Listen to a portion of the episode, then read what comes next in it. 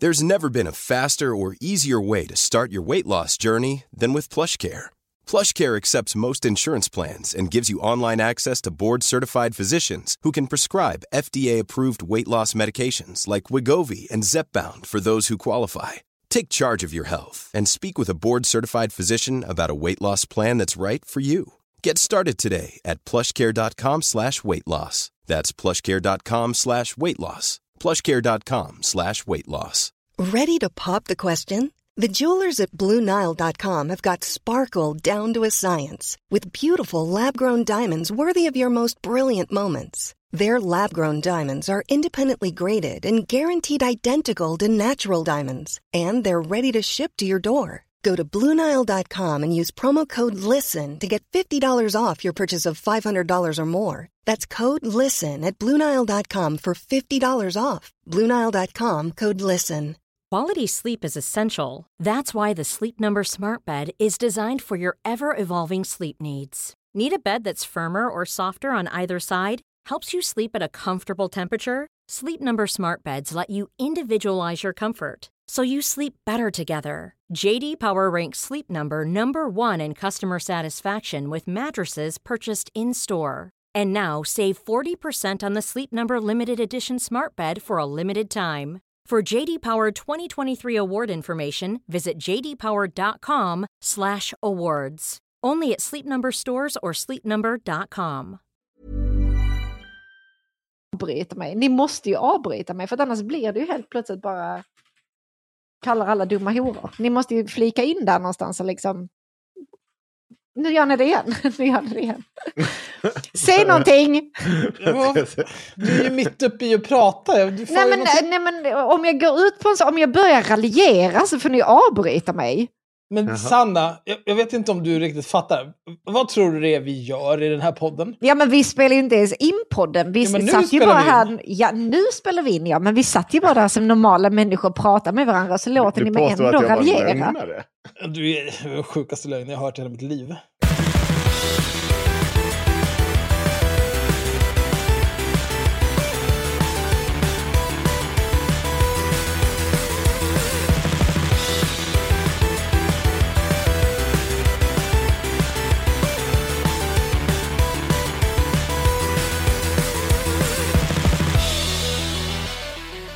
För er som nu sitter och lyssnar så har det ju hänt så otroligt mycket bakom Patreon. Det har hänt eh, allt ifrån när ni har fått ett eh, specialavsnitt av, om Wolverine Kos igen.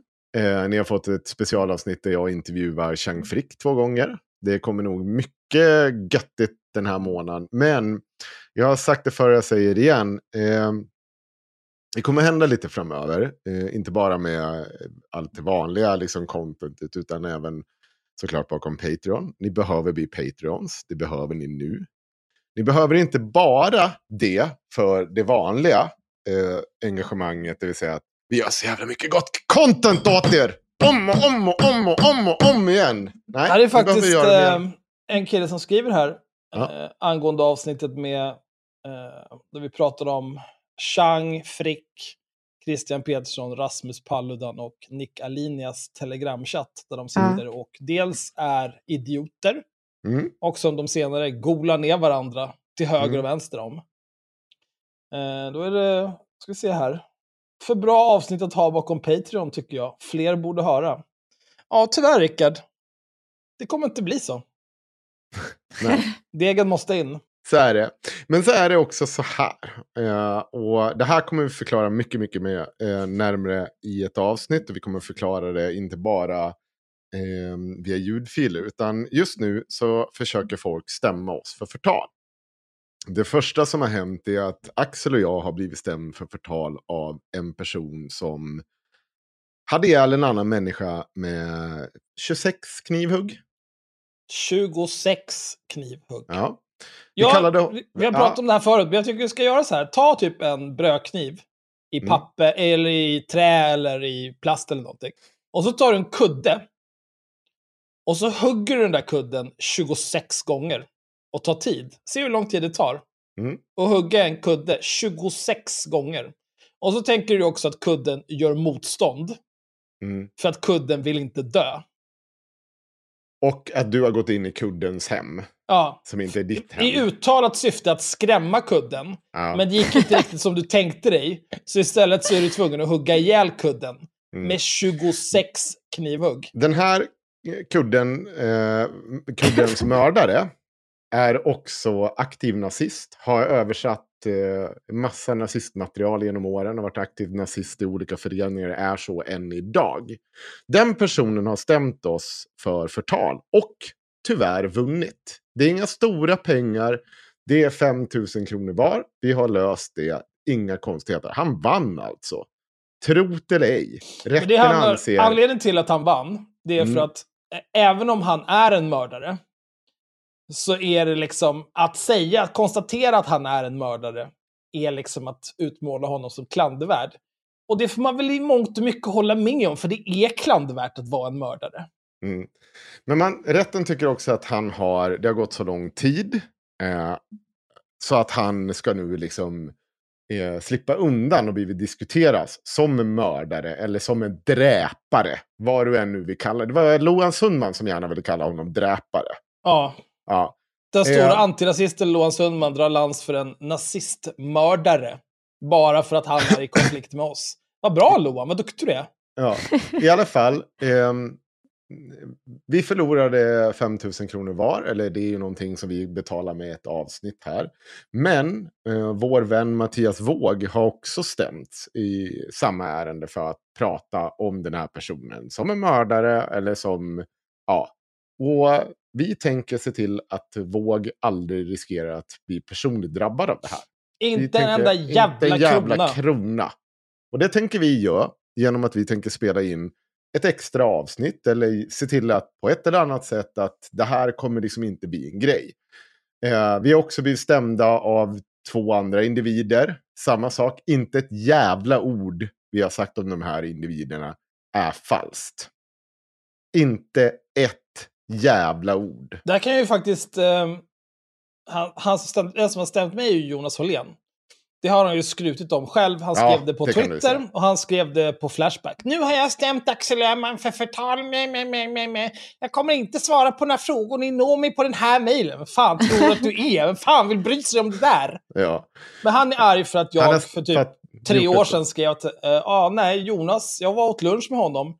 Eh, så spelade jag in det samtalet och sen så när vi släppte det som ett avsnitt så framstod han som en pajas. Och då blev han grinig och så var vi ett gäng som bajsade honom i ansiktet över att han eh, var grinig. Så var det inte mer med det. Men det tycker han, det är förtal. Att Ja. han blev bajsad i ansiktet. Och den personen, eh, den andra personen som försöker stämma mig, är jag, inne, jag ska in i en ehm, förberedande diskussion med den. Jag tänker välja att inte kommentera det, utan det kommenterar jag i, i den förberedande diskussionen. Och jag har inget problem att lösa det här oss emellan, om den personen är intresserad av det. Det har jag framfört och vi får se vad den gör. Och annars så, så har vi ju vår rätt att stämma tillbaka. Inte mer än så.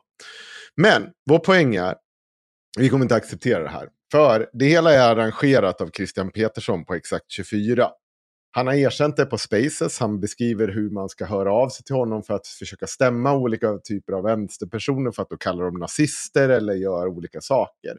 Och Eller vi har mördare, timme ut och eftersom- timme in när han berättar om hur han, hur han arrangerar här.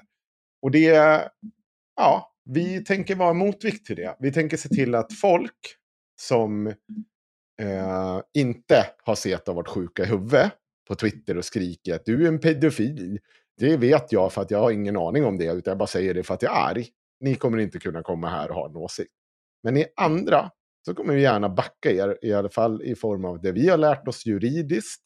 Och i, eh, om vi anser att det här är rätt och riktigt så kommer vi göra det även monetärt. Eller hur Axel Sanna? Vi kommer lösa det.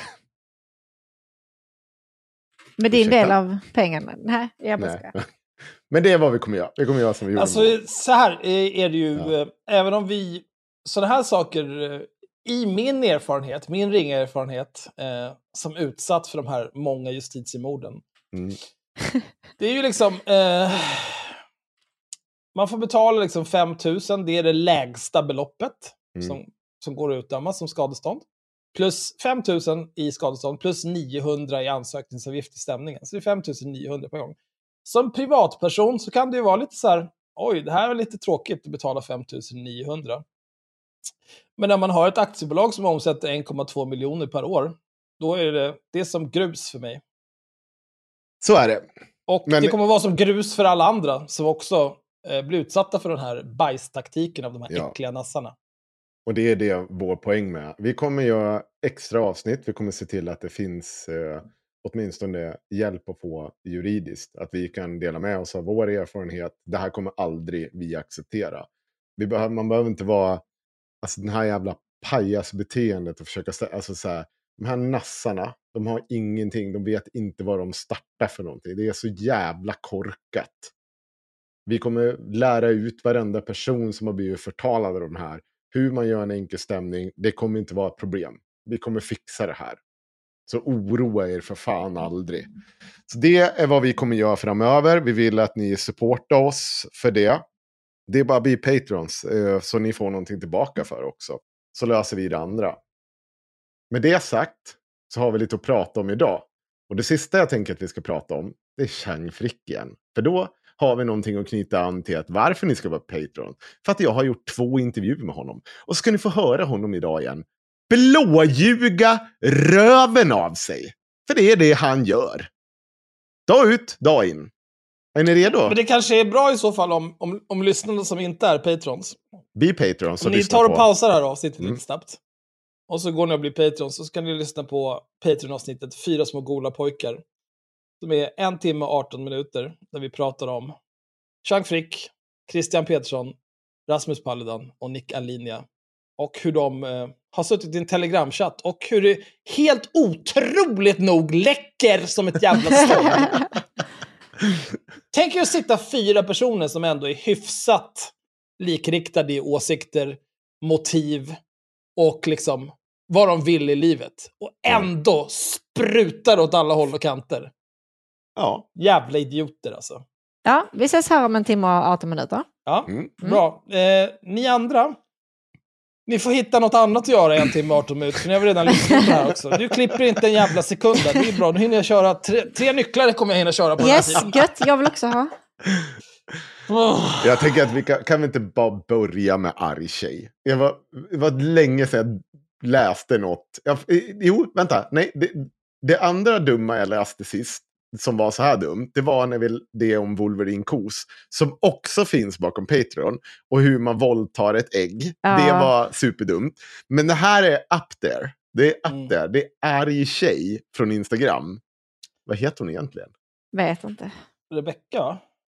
Ja, det var hon som var växt Det var hon, i hon som... Danderyd. Hon, ja, Eller var det inte det? hon tjejen från, blonda tjejen från Danderyd, eller whatever, med en mormor från Ungern som är, har typ samma etniska bakgrund som Lady Damer som är grek, halvgrek, whatever. Någon typ av grek. Inte ungrare. Eh, och jag vet inte. Det är olika problem. Hon, jag vet inte, hon är typ någon slags svensk Rachel Dolezal och trans eh, svartskalle eller någonting. Jag har ingen aning. Det är otroligt sjukt i alla fall, allt hon håller på med. Men hon har Men- skrivit en liten story på Instagram. Eh, den här är inte... Jag trodde att det här var ett skämt först när jag såg den här.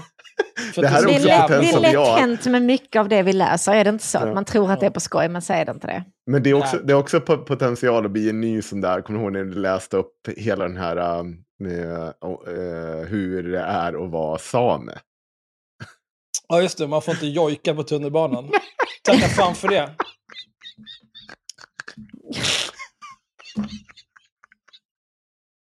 Nej, det var ju till en okänsligt av oss att påpeka att det, ja, det, Det, var stämmer väl. faktiskt... Eh, det är en annan gång när någon har hållit, hållit på att ha åsikter om att vi är okunniga idioter. För jag pratade om... Jag nämnde näverkont. Och då var det någon annan som bara, han vet inte ens vad en kolt är. Bara, jo, eh, jag vet vad en kolt är. Det, är. det är någon typ av samisk klädesdräkt. Men vet du vad en kont Nej, nej, kolt, det är väl en sån som du häng, lägger grejer i? Nej, det är en ryggs- Ja, okej. En näverkont. Jaha, Det var det Okej. som var hela grejen. ja, okej. Men Men ja, okej. Nu, Nu, nu är vi okunniga idioter Ja. ändå här kollektivt eftersom du ska in och förstöra alltihopa. Bra Henrik. Kul att du kunde komma. Du borde vara som de här jojkar på tunnelbanan och bara vara tyst ibland. Kanske. Åh, gud alltså. Ibland önskar jag att du var lite mer förtryckt same. Alltså, Skit var- i det. Det är ett bra avsnitt. Bara, Ja. Jag har aldrig Men- men- skrattat alltså, så mycket det- åt rasism. Men är Men det är rasism? ju inte just jojkandet som är problemet. Det är att du måste göra ljud i det offentliga. Gör inte ljud i det offentliga. Nej. Bara Du var kan väl- tyst. Gör som alla andra, liksom. håll rösterna inuti huvudet. Nej, men om jag, precis, om jag sitter på pojktåget, då vill inte jag ha liksom någon som sitter och, sitter och gormar. Var, var, var tyst där. Håll inte på. Just det, skulle inte vi kolla upp hur jojk låter? Alltså jag, jag vet att jag har hört jojk. Ja. Men varje gång jag tänker så här jojk, då det jag hör i mitt huvud det är typ så här mongolisk strupsång. Men jag Nej. vet att det inte är så. Ja. För att det var så länge sedan jag hörde, jag, gud vet, jag, vet jag skiter i jojk. Jag vet att man inte får säga det längre, men jag bryr mig inte.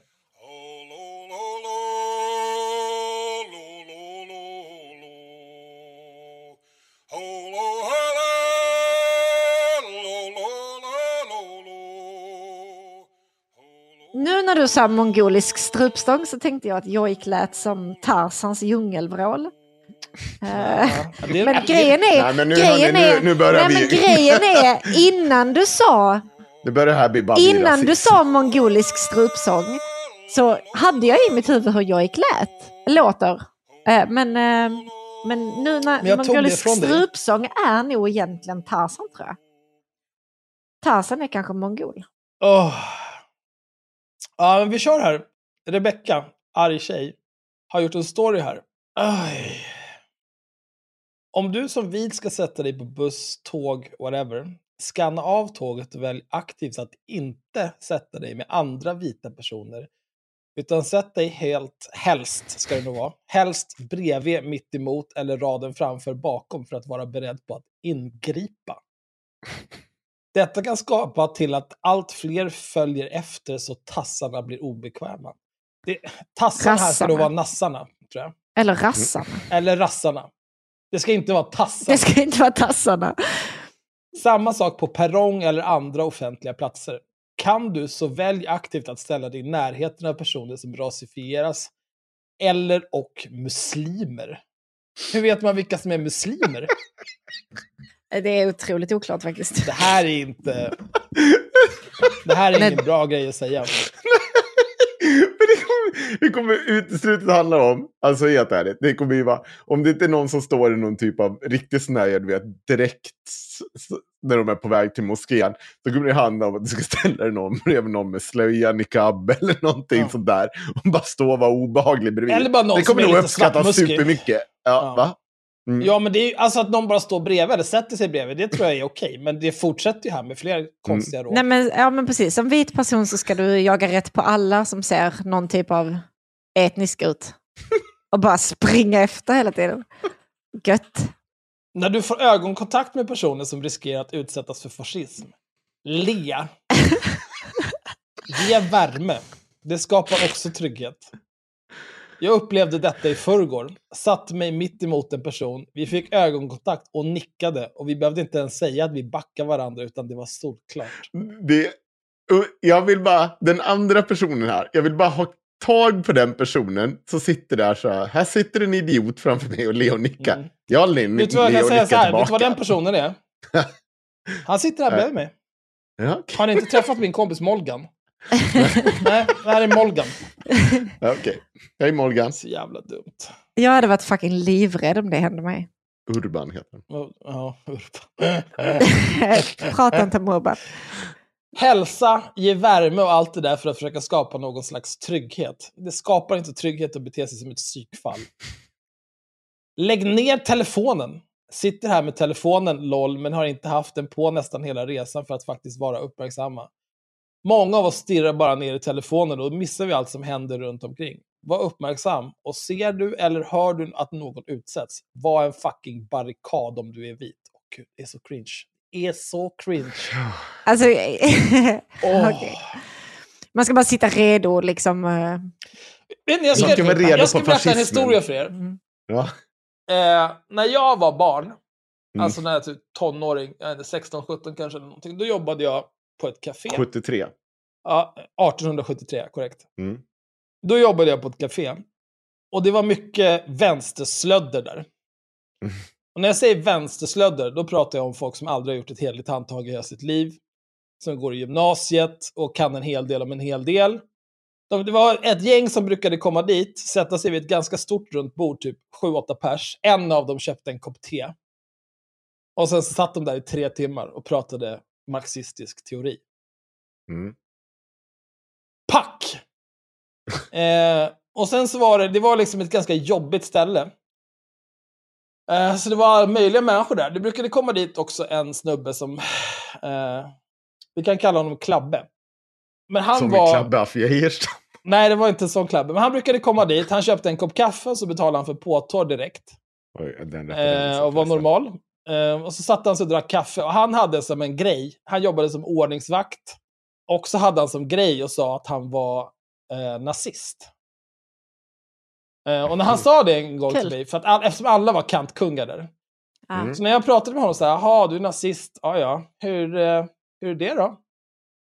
Ja, nej, nej, jag vill bara att eh, så här, ja ja, okej, bra. Och så tänkte jag inte mer på det, för att det kändes som så här, det är som när Daniel Lampinen säger, jag är den öppna rasisten. Okej, men hur är du rasist? Nej, jag swipar, jag swipar vänster på svarta på Tinder. Bara, ja, okej, jättebra. You do you fam, men jag, jag bryr mig verkligen inte. Jag kunde inte. Det är så ointressant. Så att jag kände liksom aldrig att han var eh, någon typ av problem. Men en kväll, då var det en i det här jävla snorunge marxistgänget som kom ut och skällde ut honom. Och så här, vi vill inte ha sådana som dig här på vårt café. Och jag ville ju att det skulle vara tyst, så jag gick dit och så sa jag, det här är, så här kan du inte hålla på, du kan liksom inte stå och skrika till att börja med. För det andra, det är inte ert café. Någonstans. Nej. Gå och sätt dig nu och var tyst. Det, det kan inte hålla på på det här viset. Ja, så fortsatte de hålla på och tjafsa fram och tillbaka i tusen miljoner jävla år. Och så var det liksom så här, om inte han blir utkastad, då kommer jag gå. Och jag sa, åh nej, ska du gå? Vad tråkigt, vad jobbigt. Men då kom jag, det absolut dummaste jag har hört i hela mitt liv, det var en av de här tjejerna, precis som den här jävla Rebecka, också så här blond, här, säkert en mormor från Ungern eller något annat efterblivet. Men hon såg mig, alltså, hon såg mig rakt i ansiktet. Och så sa hon, du vet inte hur det känns när nazisterna skriker efter en i tunnelbanan. och då tänkte jag bara, din lilla fitta. Du har liksom huvudet så långt upp i din egen röv att du inte har en aning om vad som pågår omkring dig. Du är så jävla sinnessjuk, din äckliga jävla narcissist. Ah! Men eh, det henne kommer jag att tänka på nu när jag läser det här. För att det är samma energi. Det är helt psykotiskt det här. Var en fucking barrikad om du är vit. Alltså, lämna mig bara i fred. Jag, skulle, jag blir hellre... När jag läste det här, jag läste det för att eh, ett, ett nytt Twitter-fynd delade den här och fick 48 miljoner likes. Och det enda jag ser är olika typer av personer med invandrarbakgrund som kommenterar, retweetar det här med bara nej. Jag lägger mig hellre på spåret än att det här sker. Ingen vill ha med det här att göra. Åh, Men hon har suttit där på tåget eller vad fan hon har suttit Nej, och bara vad- känt sig så jävla duktig när hon Ja, precis. detta. Hon har känt sig så... Det här, ingenting handlar om, om den hon ska skydda. Det Nej, handlar nej. om hon ska visa upp hur hon är en bättre person. Men så här är ju mycket av den här, nytta. alltså den här influencer-antirasismen är ju, det är ju för vita av vita, Ja. 100% hela tiden. Bara för vem är du antirasist just nu? Jo, för att plocka pluspoäng hos dina vita polare. Det, fucking det finns ingen annan... Alltså. Hur kan ni Ja, vara ja, så här? alltså, Hur kan det, här, vara det, så här här? är, det här är white people is it S, alltså. Det hela den här fucking texten. Det här är inte till för rasifierade överhuvudtaget. Det här är till för att hon ska impa på sina vita polare. Jag vill dö.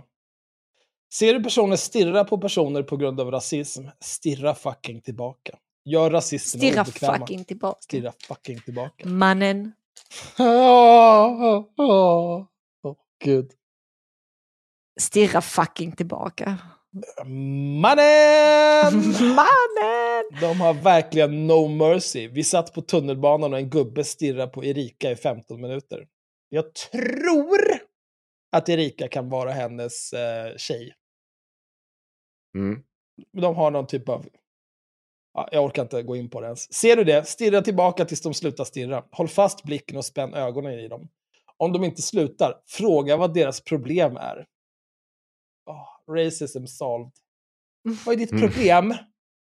Men var det Du är rasism? mitt problem. Det, är inte väldigt, det, är väldigt, det framgår inte om det var rasism eller sexism eller... Nej, det kan vara vad som helst. Det, det kan ju vara Ja. att de liksom känner igen henne från den här psykotiska storyn och stirrar därför. Ja, det, nu måste ju det här ha hänt i efterhand. men- ja, fast Det kan ju, de kanske det kan ju också igen... vara den psy- psykotiska storyn om Lady Damer som höll på med i flera Den! veckor. 800 psykotiska stories. ja, mannen som stirrar kallar jag smutsen framför hela tåget. Och vet ni vad som hände då? Alla ställde sig Hela upp. tåget ställde sig upp. Mm. Mm. Ja. Fint. För han ska vara obekväm. Mm. Och så är det slut. Eh, men jag har lite till. Det framgår där. inte om man blev obekväm. Eller om man blev obekväm och tänkte, vad är det här för galning? Som jag vet inte vad som hände. Alltså han kanske tittade på henne för att han, han tyckte att hon var snygg eller någonting. Och sen så tittade hon jo, det tillbaka kan, ju- så det kan ju kände också han, vara åh äckligt. wow. Alltså bara så här att du Kanske hon också gubbe. tycker jag är snygg för nu stirrar hon tillbaka. Men jag litar inte för en sekund på att det här är alltså, av hur det här gick till. Eller på något sätt. Nej, så här, har- det här har inte skett. Nej. Det här är bara fria fantasier. Men jag har... eh, En vän till podden har pratat lite med Rebecca. Mhm. Och det var inget bra. Okej. Men det är ju olika människor har ju liksom raljerat kring den här storyn. eh, Ja. Och Mm. gjort sig roliga. Och som jag sa, framförallt folk som rasifieras och eller är muslimer. Mm. Eh, så vår, vår vän här eh, skickade två exempel på det. Bland annat från eh, Julia Frändfors. Hade Mhm. gjort någonting om det. Och frågat så här, har du sett det här? Det är lite hehe. Lite psykotiskt. Ehm, eller, ja, och då svarar Rebecca så här. Nej, vem är hon? Ha, ha, ha. Det sjukaste med det här är faktiskt att min vän blev utsatt för rasism på bussen. Och en vit. En vit, hörni. You Mhm. guys. Min vän blev utsatt för rasism på bussen och en vit försvarade henne tack vare den storyn. Mm. Hur Wow. vet du det? Din Mm. vän sitter på bussen, blir rasistattackerad. En vit försvarar henne genom att stirra och frågar den här eh, rasistattackeraren Vad är ditt problem? Rasistattackeraren går sin väg. Den här personen, den vita, vänder sig till Rebeckas vän och säger Jag såg nämligen en story om att det är så här man ska göra på Instagram. Och Rebeckas kompis fattar direkt vad det är som har hänt. Och sen ställer sig hela bussen upp och applåderar. Vad är det här för psykotisk lögn? Jag fattar inte varför de... Alltså, vi, vi har Mattias Karlssons, alla ställ, stod, ställde sig upp och gjorde hen- honör. Det vi hånar honom för fyra. Varför tror folk att det, det, jo, men det här funkar bara om jag säger att jag är antirasist? Nej, Nej, absolut nej, inte. nej, vet du vad? Det gör det inte. Jag kan, jag kan säga så, jag gjorde en gång, jag vet inte. Jag för mig att det var i ett sammanhang jag var med dig, Axel. Men jag tror inte att det var, jag var med dig eller om vi var, hade gjort någonting i podden. Jag satt på tunnelbanan. Och så sitter det några och är bara allmänt rassiga mot en rom. Och är skit, eller tunnelbana eller buss, jag minns inte vad det var. Och jag fick nog och, och bara sätter mig mitt emot dem och, och liksom skäller ut dem. Och är liksom så här, jag- muckar gräl för jag är full. Jag hade förmodligen fått dyngstryk. För de var, det var två killar, jag minns inte om den tredje var liksom med på det eller om den backade upp. Men de backade undan. Var någon av dem Aron Flam? Nej. Nej. Tur för dig. Men, ja, men eh, och jag, eh, jag säger det igen, alltså, så här, det är bara en grej jag gjorde när jag var full och liksom tyckte så här, man kan prata, alltså, så här, ja det är väl bra att man gör så, men man hade ju också kunnat åka på stryk, det hade ju kunnat hänt. Det, det, är inte, det hade kunnat hänt. Men det var ju inte så att bussen ställdes upp. Nej, ingen Ja, bryr sig. det Henrik. Alla tyckte bara att det var skitjobbigt. Ja, jag blev utsläpad från buss, eller det är vad jag kommer ihåg. Så, nu, nu går vi, nu går vi, nu skiter vi där. Och, och jag går liksom efter och viftar åt dem. Jag hade väl för, än en gång förmodligen fått dyngstryk för att de var ju många fler. Men jag gjorde det.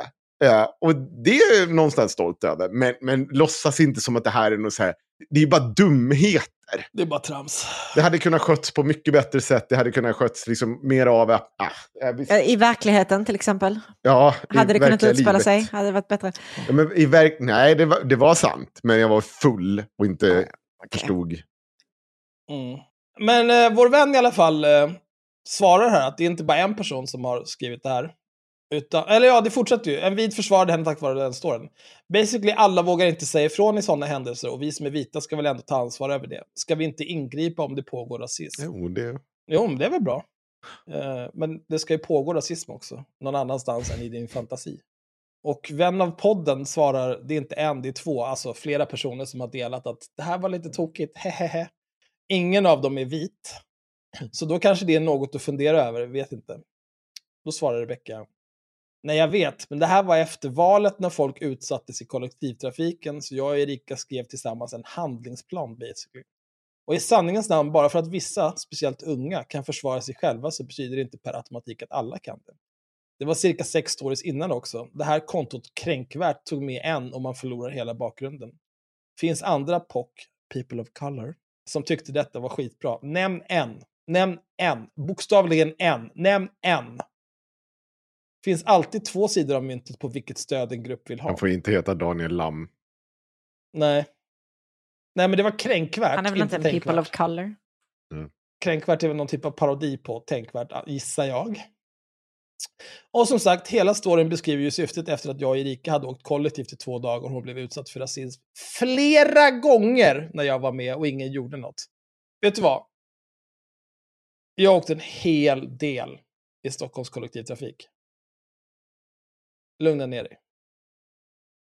Nu är det visserligen, jag tittar ju aldrig på folk och jag har ju hörlurar med aktiv noise cancelling. För jag vill inte höra folk heller. Ja. Men eh, Det, men det kan ju vara så att det inte var rasism, att det bara var sexism. ja, alltså det är också så här, Också värt att kommentera på visserligen, men alltså det har inte Ja. hänt i min gissning. Eh, men det beror ju på vilken tid man åker. Alltså det är ju lite jojk igen. Att så här, folk har inte tid i rusningstrafik. Folk har inte tid med att folk ska bete sig illa. Utan det ska vara tyst, du håller käften. Och sen är det också så, beroende lite grann, lite grann på vilken linje du åker, att om du är liksom öppet rasistisk mot någon och beter dig som en gris, det är ju ett, ett risktagande jag tror få är intresserade av att göra. För att det är liksom inte så att eh, så här, du, du talar vagnens språk om du börjar skrika svartskalle åt någon på tunnelbanan. Utan det är mer typ så här, du talar ingen språk och kanske 50% av de som är i vagnen känner att fan, skulle inte du må mycket bättre av att vara sönderslagen? Skulle vara tyst på tunnelbanan. Och jag, jag ser inte den här liksom, otroliga rasismen ske hela tiden i tunnelbanan så att man kan på liksom, vi åker kollektivt i flera dagar och hon blir utsatt för rasism flera gånger. Jag tror inte det faktiskt. Men eh, jag kan ha fel. Jag, jag vill jättegärna höra då, vad har hänt? För, jag vet inte, vi har ju pratat om en annan person som blev utsatt för massor av saker på extremt kort tid. Hon och jag är för övrigt otroligt goda vänner nu när vi har träffats och skakats hand. Eh, Daniel Lampinen har bildbevis för den som är intresserad av att se mig träffa Linnea Claesson. Det var... Men jag lever faktiskt lite grann i en sån eh, Linnea Claesson-historia just nu på gymmet. Jaså? Ja. Berätta vill, allt. vill du utveckla? Men först ska jag bara avsluta här. Så absolut, Ja. men jag har svarat dem som skrivit och taggat mig och har ej fått svar tillbaka. Så känns det lite som de fattar också att det var taget ur kontext. Ja, jag tror inte faktiskt. Ja, det var allt. Mm. Kan vi Eh, få resten av storiesarna eller? De är long lost. Nej, de finns väl säkert. Det finns väl folk som, hon har ju typ 30 000 följare. Det finns nog många som är där enkom för att scrolling judging. Ja, men så hade vi kunnat avgöra om det finns någon typ av bakgrund i de andra storiesarna som gör att den här är mindre cray cray.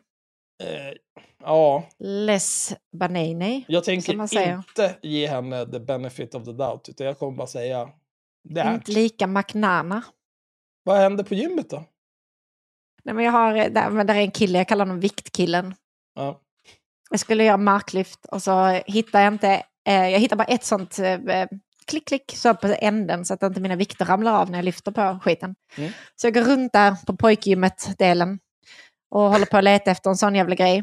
Men eh, så hittar jag inget för att eh, de är extremt dåliga på att plocka undan efter sig på pojkgymmet. Mm. Men så har jag jättehög musik på mina lurar, så plötsligt känner jag hur någon knackar mig på axeln, så jag vänder mig om. Då står det en kille där och så flinar och så ger han mig ett sånt jävla fäste. Och jag bara, ah, tack så mycket, så jag, jag hör ingenting typ. Och sen så går jag tillbaka till min stång. Mm. Ehm, och En väldigt rimlig interaktion än så länge. Mm, ja, men då står han sen och tittar på mig vid sin stång, som numera saknar ett fäste. Ehm, så att han lyfter ju nu utan den här klick-klick. ehm, för att han skulle ge den till mig, vilket var ju förvisso snällt. Men så står han liksom och tittar på mig så, medan jag gör mina marklyft. Och sen så kommer han fram och frågar när jag har gjort ett par set att äh, men är jag klar? Så säger jag nej, jag har ett set kvar. Och så gör jag mitt set och sen så börjar han plocka undan mina vikter. Och jag bara, bror jag skulle, jag, jag skulle använda den mer. Men då har jag liksom fortfarande musik på. Han, alltså jag ser ju så här hur hans mun går, men jag hör ju liksom ingenting. Jag bara, jag så här, hör ingenting så här, och vill inte prata med honom typ. Och sen så plockar han undan mina, mina vikter. Och sen så måste jag ju hämta nya vikter, för jag skulle ju använda den stången. Men då kan jag inte gå och ta samma vikt, så jag måste ju ta, jag måste ta fem kilo mer än vad jag hade. För jag kan inte gå och ta samma vikter. Nej, det blir konstigt. Så jag säger ingenting till honom, bara plockar fram nya vikter och så tar jag dem och så gör jag mina nästa grejer. Uh, och då typ står han också där, så direkt, eh, eh, han typ tittar på mig hela tiden och så står han bara en liten bit ifrån. Så direkt när jag var klar så sitter jag där på golvet och så bara kastar jag av de här och drar upp mina vikter fort som fan så han inte ska komma och hjälpa mig igen. Sen efter det har han liksom så här börjat så här, komma fram och typ så här hälsa på mig så här, hej. Direkt när jag kommer in på gymmet så kommer han så här, hej. Och jag bara, eh, mm. Pekar på mina hörlurar så bara går jag iväg liksom.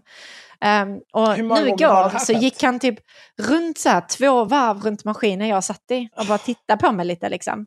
Eh, och sen så ställer han sig precis bakom mig och bara står och tittar på när jag gör mina övningar typ. Jag bara, mm.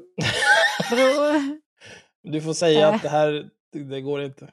vad är det som händer? Jag brukar bara ringa Johanna och prata högt om hur obehaglig jag tycker att han är. Ja. Ja, det har inte funkat du- hittills, men menar- Du, du alltså gör som hon... Vad heter hon? Arg tjej? stirrar ut honom. Nej, Nej, för jag du honom ringer någon och bara pris. pratar högt om att den här personen är obehaglig. Jag vet inte. Ja, Johanna är på gymmet. Ja, fan det här jävla sepet är här igen. Håller Ja. på och står och sniffar mig i nacken nu när jag sitter här och gör mina, mina curls. Men det är jävligt äckligt. Men han, han fattar ingenting. Han fattar ingenting. Det är lite konstigt. Mm. Så han går liksom hela tiden och snokar vid dörrarna så om jag ska komma. Äh, Men har inte... Har ni inget flickgym? Jo, vi har ju flickgym, men det är ju alltså... Det finns ju inte jättemycket maskiner och sen så är det liksom bara en liten så här, fria vikter-yta. Så att jag kan bara lyfta, alltså så är där någon annan tjej som står med en hantel så är det liksom fullt där. Så måste jag gå ut på stora pojkgymmet. Det är dåligt. Mm. Ja, spännande. Mm. Nej, det är det inte. Nej. Jag har bestämt mig för att jag aldrig ska prata med honom i mitt liv. Så han kan ju fortsätta hålla på där. Så ska jag, tänker jag bara aldrig säga ett ord till gå honom. iväg. Ska jag säga när han tröttnar. Vad vill ni plocka upp som nästa ämne? Är det någonting? För, för jag tror att vi kommer hålla på en stund med Chang Frick. Alltså, det kan till och med vara så att om vi bara gör det så har vi ett fullt avsnitt och kan gå vidare med våra liv sen. Vi ska, resten. jag tror vi ska... eh, jag har ju samlat på mig ganska många. Det är så många som Mm, har jag varit så otroligt jävla sjuka i huvudet den här senast. Men, nej, men vänta, vet du vad Axel? Vad? Får jag föreslå? Ursäkta? Jag föreslår att du eh, redovisar, eh, vad heter det, hur kan vi allt som händer där. Nej. Nej, varför inte det? Men, nej, men det blir ett Patreon-avsnitt. Vad ska vi kasta bort det i ett vanligt avsnitt för? Jaha, okej. Ja, ja. Ja. Plus att jag måste sätta mig med eh, min kompis som jag var där med och gå igenom våra anteckningar. Mm. Det är en hel del anteckningar ska jag Då säga. ska vi inte... Då, då, då Ingenting vi är det. positivt. Nej. Det var faktiskt nära. Eh, det var, Det nära var flera gånger att någon jag som utmanade skrek. dig på slaggis också va? Ja. Det kan jag avslöja. Alltså de... de eh, jag träffade... mm, eh, jag träffade många människor som jag känner att de borde inte var så intresserad av att prata med mig. Eh, eller ha med Mm. mig att göra överhuvudtaget. Jag träffade Hanif Bali som lät genuint glad över att träffa mig. Jaha, är det du som är Axel? Skakade han. Jaha, okej. Ja, det är lite konstigt. Eh, jag träffade ju Linnea Claesson som sagt. Daniel Lampinen, den öppna rasisten, övertygade henne om att komma och säga hej till mig. Jag sa, du behöver verkligen inte säga det. Är liksom, jag har full förståelse för Alltså det där är väl ändå... Varför skulle du vilja göra det? Det känns som en våldtäkt. Ja, Alltså lite vad, vad han än sa till henne känns Ja. det som att en interaktion i- äh, in person med Daniel Lampinen hade platsat på Assholes online oavsett. Oj. Eller? Ja, Eller kanske. att, att hon blev tvingad att prata med Axel. Ja, nej, men hon, hon var jag trevlig. Hon kom acceptera. Bara, Okej, sa det här har hänt. Ja, vi kan väl hälsa i alla fall. Så jag, ja, kan vi väl. Hej, hej, Axel. Du kunde ha hälsat på mig när jag ringde dig, Linnea Claesson. Och ville Jag ställa tar några avstånd nyfikna Från frågor. min nya vän. Eh, vad, vad hände mer som jag kan ta upp? Eh, ja, eh, vår första gäst i podden, Makodde Linde, var där. Och sen var också Mm. vår riktiga första gäst, Daniel Lampinen, där förstås. Mm. Eh, och sen på efterfesten så var det lite tumult i kön. Fisticuffs. Ja, Nästan. det var... Eh, en Jag hör er fortfarande, jag som måste bara är- hämta glas. Ja, en person, ett huvud kortare än mig, 40 kilo lättare. Med pupiller som nålspetsar. Ville att vi skulle gå runt hörnet och slåss. Mm. Jag sa ja först, för jag tänkte, jag undrar hur långt han kommer driva det här. Liksom. för det är så himla konstigt. Det är liksom, du är 44 år gammal, eh, du träffar någon i en krogkö och du säger, ska vi gå runt hörnet och slåss? Eh, Känns inte det lite ovärdigt? Ja. Men han, han var ganska taggad och då tänkte jag så här, nej. Det blir inget faktiskt jag tänker inte gå runt något jävla hörn och reda ut någonting med dig. Men vi kom i alla fall fram till att Aron Flam, han sa eh, att vi kan spela in, eh, han vidhöll fortfarande att det är jag som är för feg för att spela in ett avsnitt. Eh, men att vi kan spela in i höst, sa han. Och då sa jag, höst, det är ju ganska länge. Ja, vad då? Kan du inte vänta? Jo, ja, det är klart jag kan vänta liksom. Men så jävla konstigt bara. Varför ska det vara så? Varför är det så jävla konstigt? Och sen vill han gå runt i hörnet och slåss. Eh, Så jävla normal. ja. Du sa hans namn också. Du velat började med att vägra säga hans namn och sen sa du hans namn. Lugna du ner Aron. Ja, men jag såg faktiskt inte vad som hände, men jag tror att någon av hans kompisar kom och, sa, och tröttnade på honom och tog, tog med honom till, längst tillbaka i kön eller någonting. Ja, okej. Eh, för att jag... Ja, men det är för mycket. Det var lite mycket folk som stod och lyssnade på Ja, när alltså, Aron det- Flam ville spöa dig. Jag och de jag var med, vi stod ju också längst fram i kön, så liksom Ja. vakterna stod ju och hörde och såg allting också. Ja. Att här kommer en kille som är jävligt laddad på att gå runt hörnet och slåss. Bara, mm, ska du verkligen komma in här? Mm. Du verkar lite överfriskad. Du kanske ska gå runt hörnet och ta ett par varv. Så får vi se hur det går. Ja, jag vet inte hur det gick. Jag såg honom inte där inne sen i alla fall. Han kanske var där. Jag har ingen aning. Ehm, men det, det vi kommer prata om i Patreon-avsnittet om det här är att jag kommer berätta om alla otroligt intressanta samtal som var. Mm. Bland annat eh, när det skulle pratas om eh, könskriget. Mm. Eh, det var fyra män som skulle prata om könskriget för den kvinnan de hade bjudit in för att vara med, det var Myra och hon var sjuk. Eh, PGA, akut opererad. Mm. Ehm, Det var fan på tiden. hade Myra varit där så hade det varit lika många kvinnor som torskar som var med och pratade om könskriget. Ja. Istället tog de upp en random kvinna från publiken som pratade om hur det var på stenåldern. Och överlag var eh, hjärndöd. Ja, men nu, nu svartpoddar vi inte bort någon mer. Nej, här, Eh, du det här, ta någonting här är ju riktig podd. Ja, men Ja. jag har en annan grej här. Mm. Nu har jag valt lite grann, botaniserat lite bland mina många länkar. Jag tror att det här kommer nog vara det mest dummaste. Jag har inte läst den än, som vanligt, eftersom jag är normal. Det här är Alice Teodorescu Måwe, som har skrivit en Mm. text här i Affärsvärlden. Alice Teodorescu. När tröttnar skötsamma på att den kriminella minoriteten går före? Mellan den 25 december i fjol och 20 januari i år inträffade 20 skjutningar och explosioner bara i Stockholm. Häromdagen kraschade en bil efter en polisjakt. I bilen fanns automatvapen och en 13-åring och en 14-åring som kunde gripas för grovt vapenbrott. Kostnaden för den här samhällsutvecklingen kan mätas i flera valutor, skriver Alice Teodorescu Måwe. Ponera att det på akuten kommer in en skadad äldre kvinna som överfallits i sitt hem av ett ungdomsgäng. Hon är i chock, har allvarliga stickskador och flera frakturer. Men hennes tillstånd bedöms ej som livshotande. Samtidigt anländer en skottskadad ung gängkriminell med livshotande skador efter en blodig uppgörelse. Också hans fiende, även han med livshotande skador, kommer in kort därefter. Vem ska få vård först? Här kan man ju... Ja, Den som är närmast på dö. Den som har mest akuta skador ska vårdas först. Tror du det? Ja, ja. Jag, hade, jag är nog böjd att hålla med. Eh, om vi accepterar det här helt psykotiska scenariot. Mm, Ja. Men jag gissar att Alice kanske har en annan tanke. Jag tror också att eh, om man har allvarliga stickskador. Det låter som att man har blivit knivad flera gånger. Kanske upp till 26 gånger. Det låter livshotande att bli knivad flera gånger. Jag tror inte att man kommer komma in på en akut knivad och bara, men sätt dig i väntrummet så, så tar vi det där sen. Ja, du läcker rätt mycket här. Kan du håll dig på ett ställe i alla fall så du inte blodar ner för mycket. Bra. Inom vården tvingas personalen ständigt att välja och därmed rangordna mellan patienter och behandlingar. Den värdegrund som prioriteringarna ska baseras på innehåller tre principer som beslutas av riksdagen.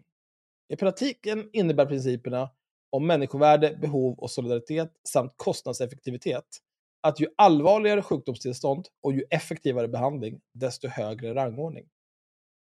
I debatten om det eskalerande gängvåldet, som av en polis beskrivs i Svenska Dagbladet som den värsta situationen sedan terrordådet. Vilket terrordåd? Ja, Take your pick. Gissa det på Vi tar en Drottninggatan. titt här i Svenska Dagbladet. Nej, det står bara här i ingressen. Det är den värsta situationen sedan terrordådet, säger en polis som jobbar med utredningar om grova brott i Stockholm. ja är men det måste det vara Stockholm. på Drottninggatan. Mm. Ja, man kan ju anta, men vad fan. Ja, skit samma. Eh, Stockholm är under attack. Kretsar mycket kring våldets konsekvenser för individens trygghet och frihet, för samhället och för staten. Kriminaliteten tvingar fram omprioriteringar. Men en dimension som det hittills inte talats nämnvärt om handlar om de prioriteringar och kostnader som också andra delar av samhällsapparaten tvingas till i den grova kriminalitetens spår. Det handlar om andra kategorier av brott som läggs på hög, om patienter som i det tentativa exemplet ovan som prioriteras ned, om sjukvårdspersonal som utsätts för trakasserier av patienterna och deras anhöriga, om småföretagare som hotas och som tvingas lägga stora pengar på olika säkerhetssystem. Hallå? Nej, Pratas, pratas det inte mycket om det här? Ja, eller vad menar du Axel? För det är ju inte... Det är ju en sak som händer. Ja, absolut. Ja, Vi är ju småföretagare. ja.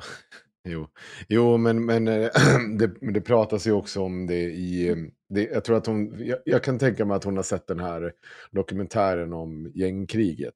Eh, och eh, som Hanif Azizi är med i. Och då pratar de om en, små, en person som jobbar i något av de här områdena som blir tvungen typ att lägga ner sin verksamhet i ett, ett och ett halvt år för att han blir utpressad. Och bara liksom helt får stänga igen sin affär fram tills den här personen är död. Som utpressaren. Nice. Så ja, det händer. Ja, jag tvivlar inte på att det händer. Ja.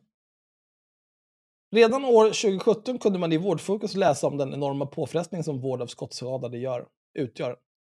Sjuksköterskan Marie Jensen som började jobba år 1999 på akutmottagningen i Malmö skildrade den stora uppståndelse som för uppstod när mottagningen någon gång ibland fick in en knivskadad person. Men det var då, på 90-talet. I sin roll som säkerhetshandläggare genomförde Jensen år 2017 en rad intervjuer med vårdpersonal och förvånades över de skottskadades anhöriga. De ställer ibland helt orimliga krav på personalen. Det är omedelbar behovstillfredsställelse som gäller, vilket kan leda till ganska dramatiska situationer. Om någon har avlidit av sina skador kan de anhöriga påstå att det är personalen som har dödat patienten. Många är utåtagerande i sin sorg. De kan bete sig rätt så skrämmande, kasta saker omkring sig, slänga sig på golvet eller till och med ge sig på personalen.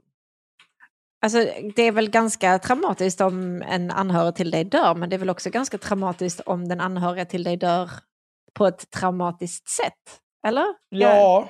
Eh, det är konstigt också att det här ska vara någonting unikt för de skottskadades anhöriga. Eh, jag menar, liksom, om någon kommer in och blir har, eh, avlider efter att ha blivit knivad, Ja. då är det ingen som beter sig så. Då är alla bara så här, ja. Nej, men jag är säker på att du gjorde så gott du kunde. Det skakar vi tass på, så åker jag hem nu. Jag, jag tror nog att det kan vara ganska starka reaktioner även på det. Det känns också som alla mammisar som åker in med sitt barn av vilken anledning som helst, oavsett om den är pytteliten eller jättestor, beter sig exakt så här. Ja. Eh, jag, tycker att det, jag tycker att det är okej, men det är samtidigt inte okej.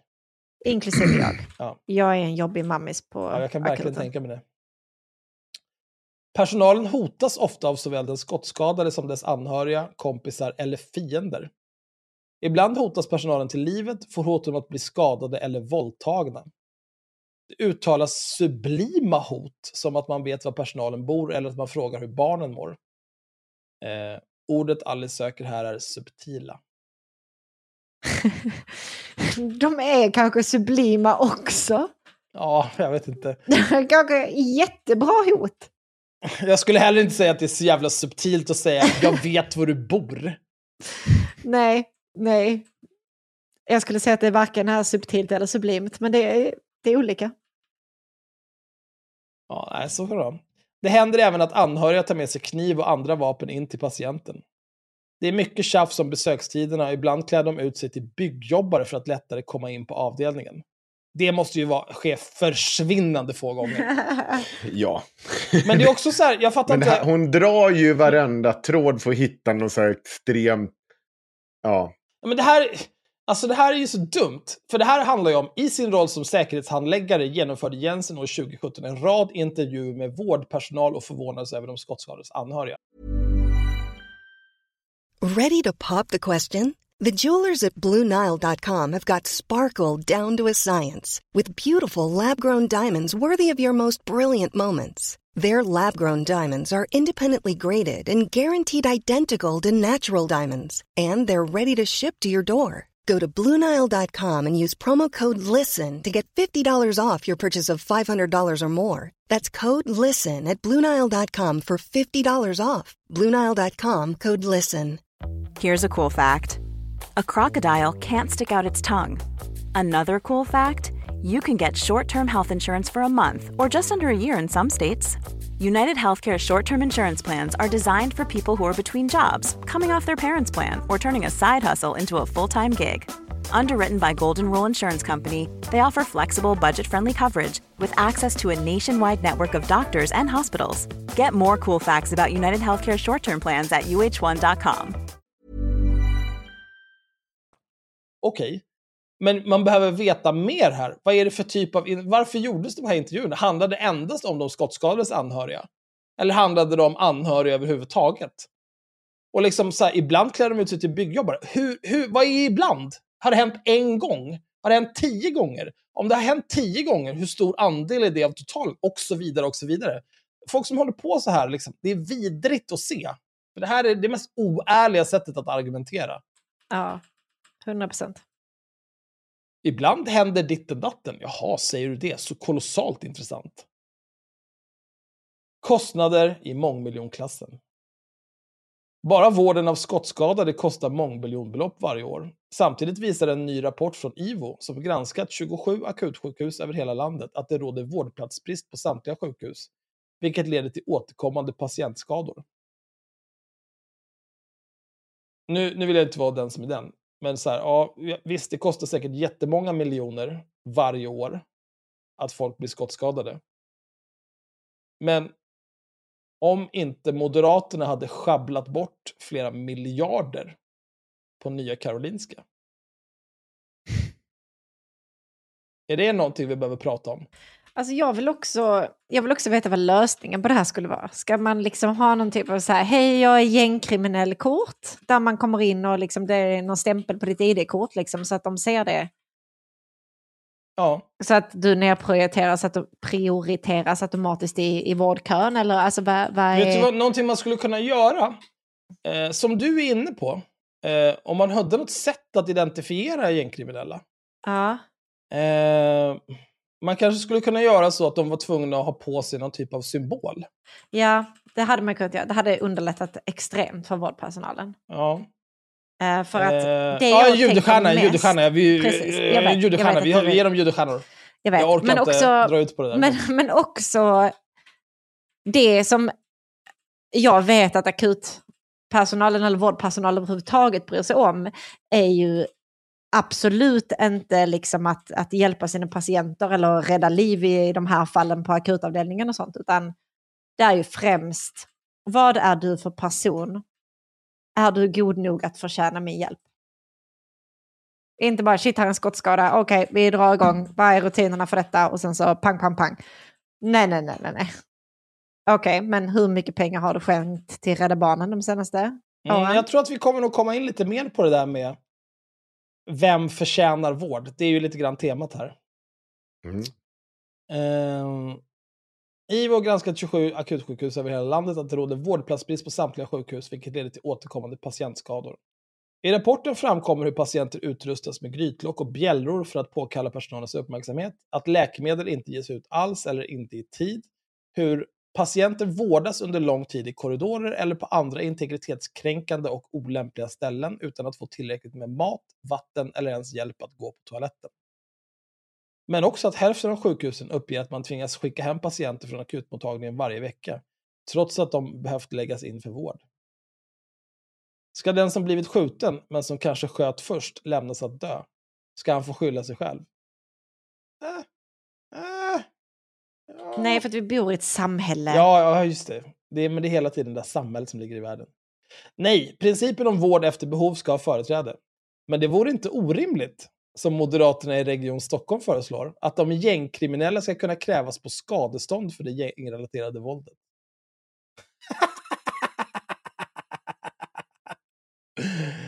I en intervju konstaterar oppositionsrådet Ire- Irene Svenonius, obs, Irene Svenonius, som söp bort hur många miljarder som helst på Nya Karolinska, vars man var upphandlingsansvarig där. Eh, Irene Svenonius som sa, nej men vi behöver nog inte utreda om det har skett någon korruption här. Det är inga problem. Jag och min man har löst det. Vi, nej, men vi, vi struntar i det här tråkiga. Irene Svenonius som grät ut i media efter att någon som påstod sig vara AFA hade skrivit avgå på hennes hus. Men jag ska faktiskt säga, jag såg en bild på Irene Svenonius när hon såg väldigt glad ut och hade någon typ av så här cowboy-utstyrsel på sig. Eh, såg ut att komma från hennes Instagram. Och sen dess så har jag svårt att hata henne. Det är verkligen det är ett problem det här med, alltså man ska aldrig tillåta sina ideologiska fiender att humanisera sig själva i ens medvetande. Man måste hela tiden intala sig att de här människorna är ontologiskt onda. Har ett moraliskt imperativ att alltid välja att skada dem. Men så står någon där och är helt livsglad och ser ut att vara en helt vanlig människa liksom. Och så bara, ja, ja, okej. Fan. Så Ehm, blödig Axel. Ja, det är verkligen Innan vi går vidare så vill jag inflika en sak. För så här står det ju.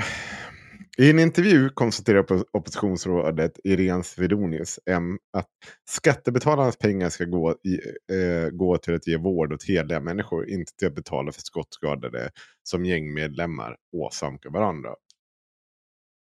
Och det... Jag förstår den här simplistiska synen på hur saker och ting ska lösa. Eller hade Vet du tänkt vad? att- ja. Eh, då vill inte jag, jag vill inte betala cancervård till rökare. Nej. I- hade du en... Ja, det är bra. Ja, men det är liksom... en, en av de grejerna jag vill komma fram till här. Ja, eh, det var en av de grejerna jag vill komma fram till här. Ehm, så det är helt rätt. Men jag kan också tycka så här, det finns en också en mycket, mycket enklare del i det här. Det är att den här vården är ju inte billig någonstans. Och säger vi nog att du är en gängkriminell här som är, befinner sig i den miljön. Du blir skjuten i magen. Eh, du blir demolerad i magen. Du, du måste flera år gå och bli återställd i magen. Sjukvården här i Sverige hanterar det. För jävligt att jag ska behöva betala det. Problemet är så här. Du kan skrika hur mycket du vill efter att de här personerna vet du vad, det här kommer du få betala själv. Men det kommer inte ske. Vad ska pengarna komma ifrån? Va, va, ja, precis. Så här, ja, men okej, återgå gärna till ett vanligt arbete, var en normal person. Och vad, vad händer sen då? Va, på, ja, okej, den här personen har ingen skola, ingen utbildning. Den kanske får ett väl eh, betalt jobb i form av eh, eh, ja, men sophämtare. De är inte fy skam betalda. Nej. Men vad har, vad har Eh, den personen och- för incitament att jobba om de vet att alla pengar kommer Ja, inte bara det. Och, och tror du på något sätt att du någonsin kommer få tillbaka pengarna? Tror du att det finns överskott? För pers personen kommer bli tvungen också, ett, att leva på någon typ av existensminimum. Och äh, oaktat det här. Alltså, det, du kommer ju så här, det kommer ju bli en utmätning, det kommer ta fem år, sen kommer skulden vara borta ändå. Du kommer inte få tillbaka några pengar. Alltså, det finns ingen anledning, det finns inte, det är inte ens på den lilla marginalen kommer du få tillbaka någonting. Det kommer bara handla om symbolpolitik. Det kommer bara sätta de här människorna i ett ännu... eh, Alltså så här, de kommer inte ha en chans att komma tillbaka till samhället. Det kommer inte finnas på världskartan. Och det kommer inte göra dem bättre människor. För, Om för ihåg något nu- så tror jag att, att, att liksom veta det. Tänk att du känner så här, okej, men nu, nu har jag blivit allvarligt skadad här. Mm. Men jag klarade mig. Nu, jag, nu känner jag att jag är färdig med det här dåliga Mm. livet som jag har levt. Och jag vill ta mig loss från det här. Då kanske man ska sätta in lite insatser för att se till att det löser sig. Istället för att säga, men nu, nu är du skyldig oss inte, tre miljoner för den vård du fick här. Så när du får ett jobb, då får du leva på existensminimum tills det är avbetalat. Ehm, och du kan knulla dig själv i övrigt. Ja. Vad, vad, har den personen för, vad kommer den personen välja? Liksom så här, ja, men jag, jag jobbar på, med existensminimum tills det här är avbetalat. Eller kommer den personen återgå i kriminalitet? Vad är det troligaste? Ja, men så kommer det ju skjuta i höjden med så här svart marknadssjukvård och den kommer ju sippra över till liksom människor som inte är gängkriminella också. Ja, alltså, Papperslösa det- flyktingar och allt möjligt. Ja, och det är liksom så här, det är en jävligt slippery slope att gå in på. Ja, det, det är inte bara en, en slippery slope betyder ju att det är ett falskt Det är argument. fascism. Utan här kommer det på riktigt få konsekvenser. Man behöver inte vara, man behöver inte vara Varför, smart. varför betyder en slippery slope att det är ett falskt argument? Nej, men det är ett, det är ett eh, felaktigt argument. Slippery slope betyder ju att... ehm, ehm, Om A det- så B. Ja, precis. Ja. Det man an, eller så här, du har rätt, jag fattar ju vad du menar. Men det är ju egentligen ett eh, felaktigt argument som man beskriver. Och du har ju rätt. Att ja, ja, ja, det här ja. blir ju på riktigt en slippery slope. Det här är inte bara ett falskt argument, utan det är på riktigt en slippery slope. Du kommer liksom hamna i en situation där det kommer kosta Skulle du säga att det är bokstavligen en slippery slope? Ja, Ja, Ja. Ja förlåt. Nej, nej, nej, men jag bara undrar. Nu, men nu Fortsätt. kommer någon grina över, för det är faktiskt det är inte bokstavligen För det är bildligt. det, är, det är bildligen en slippery slope. Åh, gud, förlåt. Och på svenska säger vi ett sluttande plan. Prinsessan, det var inte Ja. meningen, jag sa fel. Här har vi Bildningspodden. Ja. Jag pratade med Rebecca Ädel, hon eh, läraren som hade varit nazist. Ja.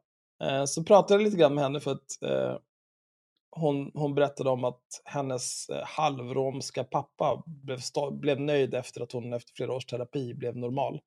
Mm. Very nice! Eh, men då... Hon skrev så här.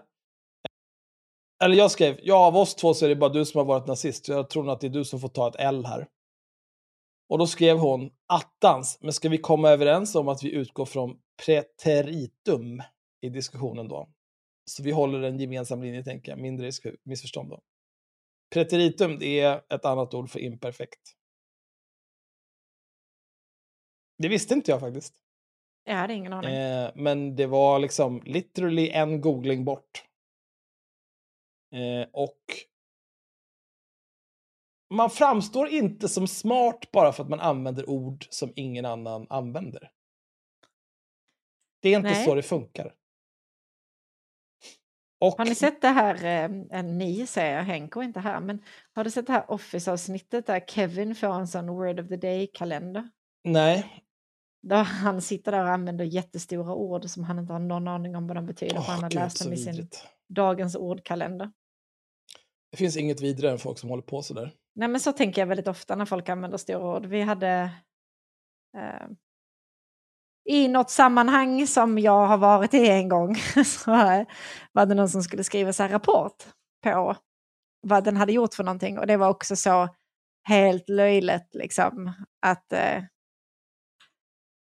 istället för att tvätta så var det bespruta med rengöringsmedel. Och så, var det liksom, så ofta, och det tänker jag på väldigt ofta så här, i min vardag eller på jobbet. Eller så här, att hur, hur skulle det här ha beskrivits i den här rapporten? Och så tänker jag på hur stora ord jag kan använda för att beskriva vad jag gör just nu. Och det är en ganska rolig så här, lek i mitt huvud.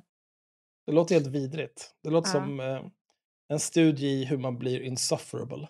Jo, 100 procent. Ja, perfekt. Alice, hon tycker också sänk ålder för när man blir straffmyndig. Det är ett förslag som vilar på en klok tanke men som kan bli svårt att genomföra i praktiken. Inte minst eftersom gränsdragningsproblem kan uppstå i en miljö där vem som är offer och förövare kan skifta från dag till dag. Men också för att uppklarningsnivån fortsatt är så låg. Men likväl visar förslaget att politiken börjar närma sig ett tillstånd där intressekonflikter och behovet av prioriteringar i ett läge med begränsade resurser erkänns och adresseras. Fan, det känns som att, eh, jag, ska, jag ska inte säga att hon svamlar, för det gör hon inte. Men det känns som att hon skriver på ett sätt som, som gör att hennes texter blir onödigt långa. Mm. Magdalena Andersson talade eller? som statsminister om behovet av att vända på alla stenar för att komma åt kriminaliteten. Några stenar vä- värda att vända på vore sänkt straffmyndighetsålder så att det inte lönar sig att använda barn och unga som kurirer. Rejält mycket längre straff, möjlighet att utvisa hela familjen samt att dra in familjens eventuella bidrag samt visitationszoner. Visitationszoner. Hon verkligen börjar lite lätt med typ så här, ja, men det ska inte löna sig att använda barn och unga som kurirer och sen mot slutet så är det liksom full on fascism. Men det här med eh, att det inte lönar sig att använda barn, det är inte som att så här, eh, de barn, eller de som är under 15 eller under 18, som begår brott, det är inte som att de har gjort en, eh, en avvägning så här, ja men jag tänker jag, jag hoppar över, jag tar några sabbatsår och hoppar över gymnasiet och så är jag gängkriminell tills jag fyller 18. Sen kan jag gå gymnasiet. För att om någonting skulle hända och jag blir dömd, då får jag ändå så kort straff. Utan det här handlar ju om, det är liksom en kulturfråga. Att de ser de här människorna som är gängkriminella.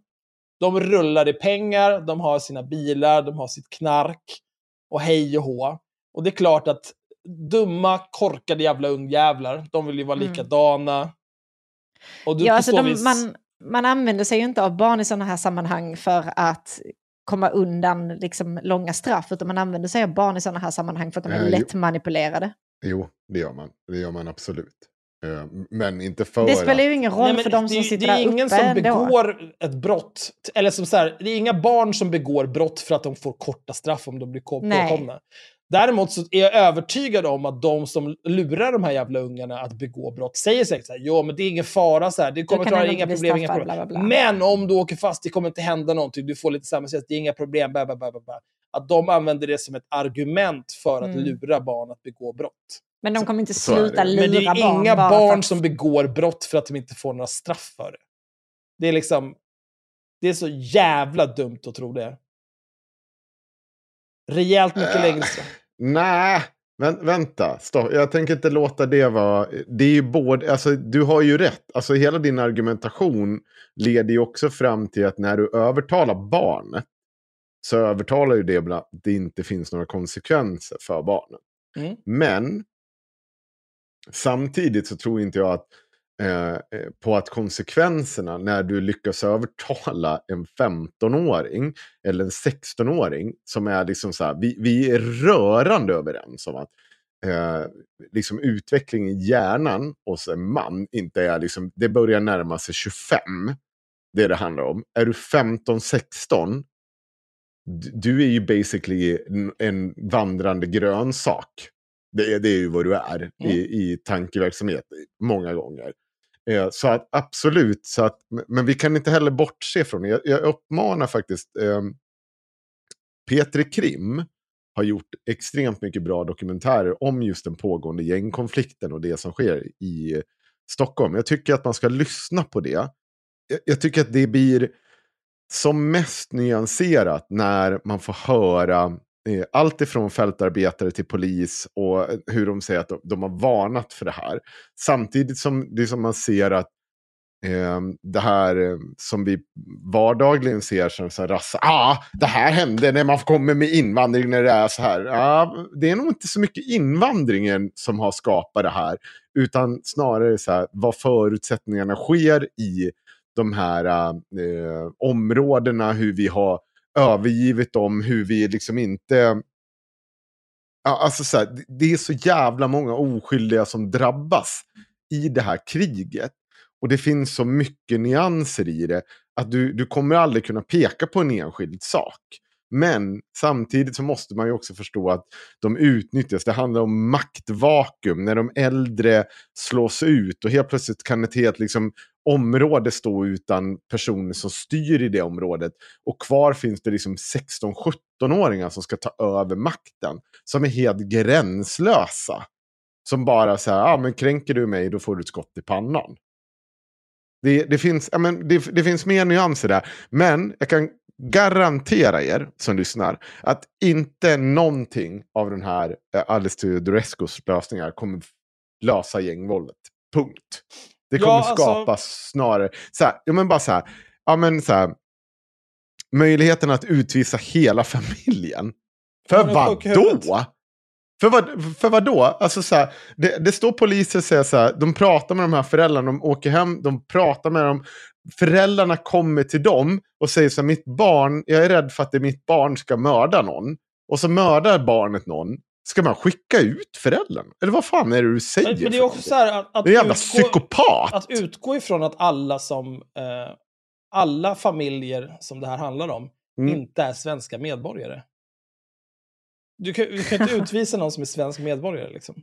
Ja, men det kommer hon vilja ändra på också, så det behöver du inte oroa dig Ja, men jag bara säger kan, återigen, ja. alltså, det, det, här är ju bara ett ytterligare tecken på att hon är en rasist och en fascist. Ja, Alice är en sån man ska sitta och stirra på på tunnelbanan. Ja, och sen det här rejält mycket längre straff. Alltså vet du vad, vi kan göra så här. Alla brott, jag är bara så nu från, från och med nu. Vad du än begår för brott, då kommer polisen och skjuter dig i huvudet. Ja, du har tjuvfiskat ål. Tyvärr penis, polisen kom och sköt dig rätt i huvudet. Trist. Jag är fine. Jag begår inte brott för att jag är normal. Inga problem för mig. Alla, alla så här, Alice kompisar, Moderaterna som håller på och myglar med bidrag i riksdagen, håller på i korrupta svin. Skott i huvudet laget runt. Jag är för det. Vi kör. Då blir vi av med alla våra problem direkt. Jag tror inte det. Jo, och visitationszoner, det är ju också en sån här grej. Eh, de vill ju alltid ha visitationszonerna liksom i typ de utsatta områdena. Men vad, vad ska det hjälpa? Det gör väl ingen skillnad? Det är bättre att ha visitationszoner där liksom, de här gängen försörjer sig ju på droger. Till stor del. Ha visitationszoner där, där de som köper drogerna är någonstans. Det finns ju redan en massa undersökningar som visar att det är främst den övre medelklassen som håller på och knarkar. Överklassbarn. Ja. Har vi stationszoner i Danderyd och Täby och på Stureplan? Jag tror att det där kommer du få äta upp lite Axel. Det, det där, den där statistiken är mer jämn än vad som, eh, eh, eh vad som tidigare har diskuterats. Men det är inte så intressant. Alltså så här, det ska ju snarare vara så här. Befogenheten hos polisen ska ju vara så pass mm, mm, bra och precis att den här når ut och inte liksom ge sig på oskyldiga människor. Utan vi behöver ju titta på att eh, för, för, det är så jävla löjligt. Va? Vi ska se, göra en visitationszon på ett helt jävla område. Ska vi springa runt och ta på Askan där, Anna där, hon är där. Alltså det, det är bara trams. Utan vi måste ju vara pre precisa och ge oss på där vi tror det, liksom så här, eh, där vi tror det händer. Och inte bara på ett geografiskt område. För jag tror att polisen, alltså det är väldigt sällan de behöver eh, hela visitationszoner för att hantera det. Jag tror att polisen kan precisera sig mycket bättre än så. Och då kanske det är någonstans där vi behöver tweaka i lagstiftningen. För att det ska funka. Om det är någonting där som stoppar dem. Vi behöver inte göra ett helt område till en zon där vi ska misstänkliggöra alla. Det behövs inte. Det finns andra sätt att nå det här. fan, utmana mig inte på exakt vad, men jag är helt övertygad om att det finns folk med bättre kunskap än mig som kan hantera det här. Jag tycker vi skjuter alla i huvudet bara. Ja, okej. ja, det är- ja, okej. Jag köper det. Det måste, och sen Jag tänker utvis- inte ta avstånd. Då blir det bra. Ah, vi, vi gör så här, vi skjuter alla som begår brott i huvudet, så skickar vi faktura på kulan och sen utvisar vi familjen. Mm. Så får fakturan med sig på vägen. Ha det bra, hej. Bygg ett pappersflygplan och flyg iväg. eh, ett moraliskt dilemma. Att alla människor är lika mycket värda och ska få vård efter behov uppfattas sannolikt av de flesta som rimligt och föga kontroversiellt. Men det går inte att blunda för att det finns en intressekonflikt här. Ett moraliskt dilemma mellan olika principer. Ett dilemma som också fångar det faktum att den eskalerande våldsspiralen mer än något annat göder misstänksamhet. Får jag bara säga att hon skrev främlingsfientlighet en dilemma? Jo, men nu tänkte jag bara släppa det. Inte. Okej. En dilemma som också fångar det faktum att den eskalerande våldsspiralen mer än något annat göder misstänksamhet, främlingsfientlighet och polarisering mellan människor. Inte minst då den grova brottsligheten numera också innehåller en etnisk dimension. Ja, men om du frågar dig själv Alice, vad gör du för att stävja det här? Vad bra det går. Därtill riskerar kriminaliteten att i snabb takt urholka den solidariska tanken som ligger till grund för det svenska välfärdskontraktet, som i sin tur vilar på att alla bidrar efter förmåga och tar ut efter Mm. behov. Och som Är du socialist? Vad fan är det här för eh, du, skit? du ville bara ta bort det här. Du bara, vad snackar du för skit? Det här har du aldrig stått bakom. Bidrar Nej, det efter riskerar att urholka det jag hatar.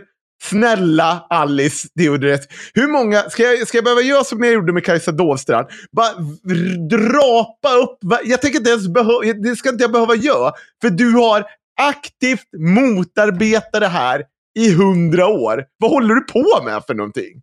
Du snackar skit nu. Det är dumma. Ja. Jo, men hur, jag skulle aldrig, så här, Nej, men nu spelar Det här är skillnaden mellan lagen. mig Det är liksom inte, och inte en ledarskribent i form av så att allting, Låt jag ska vara lite bara... politiskt bisexuell, får hon ju mer Den här medhåll. åsikten ska jag forma alla mina artiklar. Och, och te, alltså ska bara, alla tjuvknep, allting. Och så ska jag bara stå där i efterhand. Nej, men det här är ett hantverk jag gör. Jag håller på med ett hantverk nu. Jag jobbar bra. Så, jag lyssnade för övrigt på en intervju med Jo- Jonna Simma. Hantverk. Jo, men hon pratar om det. Hon, hon, hon pratar om att hon på Aftonbladets eh, vad heter ledarredaktion. Hon pratar om vikten av att förstå att hon begår ett hantverk och att när hon skriver de här artiklarna då finns det liksom då är det ett hantverk hon gör. Det är inte så här, ja men vänta nu. Alltså, det kan ju inte vara varje dag att du sitter där och hittar samma ideologi som bara gynnar den egna politiska inriktningen. Alltså, är det allt det ska vara att vara en ledarsida? Ska du vara oberoende socialdemokrat så måste du väl ändå så kunna trycka in någonting eget än att bara leta efter så här, ja men jag tycker att det här är fel.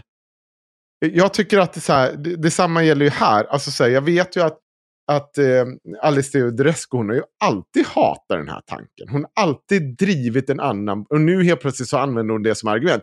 Det här riskerar att slå sönder vårt tänk med, mellan varandra. Men du vill ju inte ha det. Det är väl bra i så fall. Det kan jag visa på i 800 krönikor tidigare hur du har tänkt. Men, men du kommer ju bara skylla på att det, det, det är bara ett hantverk. Jag behöver försöka opinionsbilda för min... Men sluta vara en jävla hycklare i din opinionsbildning. Nej, nej. Nej.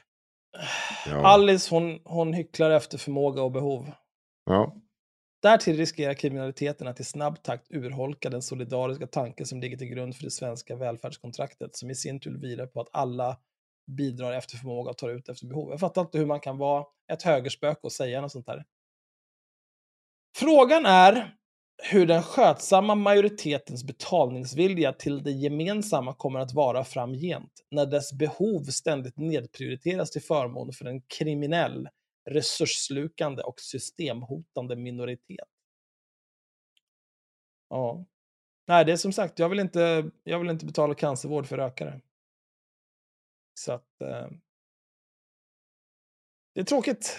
Jo, men det är det. Och, och än en gång, läkare runt om i världen svär en ed. Det har man tydligen inte gjort i Sverige på länge, men, men de verkar ju efter... Alltså, där, om en, alltså, läkare kommer ju inte sitta och prioritera folk efter så här... ja, du verkar vara en moraliskt dålig person. Eller du verkar vara då, dålig på att betala för det. Så tänker att vi räddar dig. Nej, men det är konstigt för att de är ju liksom, ser man till annars när det är... Eh, man kan ju tycka att liksom sjukvårdspersonal borde rymmas under det paraplyet som de tycker att alla andra som är liksom offentliganställda ska eh, rymmas under. Att det ska vara helt neutralt och inga som helst åsikter om någonting. Jag menar, om, eh, varför får de annars frispel bara för att polisen har liksom en slöja som en del av sin uniform? Hon borde se mer på Grey's Anatomy. Det är ett starkt avsnitt av Dr. Bailey, som är en svart kvinna, opererar och räddar livet på en nazist som har svastika tatuerad på hela bröstet. Oh, wow, vet du hur många Ja. gånger jag har sett det avsnittet av en serie? Och när hon syr tillbaka det så syr hon det så att det inte är en svastika längre. Skjut Ja. ihjäl mig. Vet du vad? Där måste lite- du som en vit Mm. backa henne. Du ska gå in i Jag backar Dr. Bailey alltid. nassen när han blir Hon kan göra vad fan hon vill, jag backar henne ändå. Mm. Jävla... Bra Yes, queen. Ja, Du får inte 100%. säga det. That's racist. Ja, men jag är kvinna. Mm. Hörni, är ni taggade på att höra lite Chang Frick då? Är det nytt Chang Frick alltså? Det är nytt Chang Men hur kan det Frick. vara det? Det kan jag också fråga mig, eh, hur det kommer sig att det finns nytt Chang Du får Frick ta dig så efter vad jävla vi- dum. Ja. ja. Om han, jag har sagt det här förut. Om han bara kunde hålla käft. Jo, men han är, jag tror att eh, så här, det, när folk pratar, och det kommer de göra i sista måltiden nu, de kommer prata om hur smart Chang Frick är. Så, så har de en poäng. Chang är väldigt duktig på att se sig själv utifrån. Han är väldigt duktig på att se sin egen persona och göra en grej av det. Det vill säga att, åh nej, nu är det lite ledsamt igen, nu är folk arga på mig. Då sätter jag mig här i en intervju med min Lidl-tröja och mina jobbbyxor på mig, även om jag har suttit på kontor de senaste två månaderna. Men då ser jag lite mer alldaglig och relatable ut. Eh, jag fick höra också från en källa att i kön upp i, i, mm, inför eh, Hur kan vi? Så har han stått där och berättat, "Va, vad tycker ni om mitt outfit? Va? Men tycker ni om mitt outfit? Då hade han ju också Lidl-game på sig, han hade snickarbyxor på sig och Ja. hörselkåpor.